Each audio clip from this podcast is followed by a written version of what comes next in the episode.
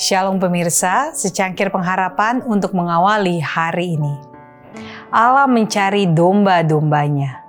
Seperti seorang gembala mencari dombanya pada waktu domba itu tercerai dari kawanan dombanya, begitulah aku akan mencari domba-dombaku dan aku akan menyelamatkan mereka dari segala tempat ke mana mereka diserahkan pada hari berkabut dan hari kegelapan.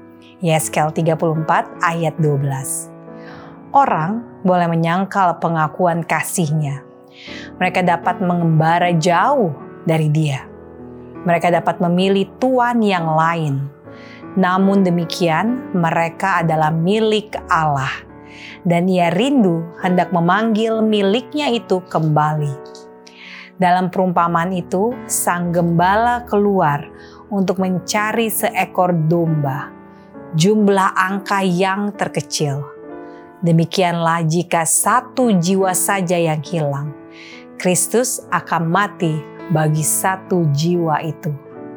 Domba yang telah tersesat dari kandang adalah domba yang paling tidak berdaya dari segala makhluk. Ia harus dicari oleh gembala karena ia sendiri tidak bisa menemukan jalan kembali. Demikianlah dengan jiwa yang telah mengembara jauh dari Allah. Dia tidak berdaya sama seperti domba yang terhilang. Dan kecuali kasih ilahi datang untuk melepaskannya, dia tidak pernah bisa menemukan jalan kembali kepada Allah. Gembala yang menemukan bahwa salah satu dombanya hilang tidak kelihatan lalai terhadap kawanan domba yang sudah terkurung aman dan berkata, saya masih mempunyai 99 domba dan banyak sekali kesulitan yang akan saya alami kalau pergi dan mencari seekor domba yang tersesat. Biarlah dia kembali dan aku akan membuka pintu kandang dan mengizinkan dia masuk. Tidak, begitu domba itu tersesat, Gembala itu merasa sedih dan cemas. Ia menghitung dan menghitung kembali kawanan domba itu.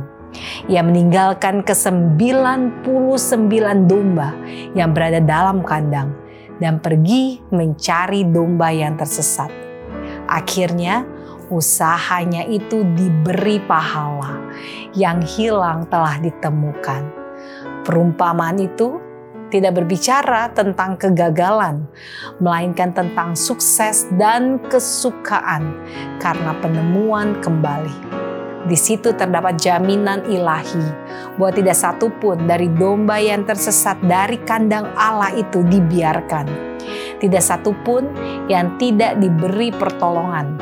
Setiap orang yang mau menyerahkan diri untuk ditebus Kristus akan melepaskan kita dari lubang kejahatan dan dari onak duri dosa. Seri Membina Keluarga Jilid 4 halaman 137 dan 138. Demikianlah renungan kita hari ini. Selalu mulai harimu dengan secangkir pengharapan.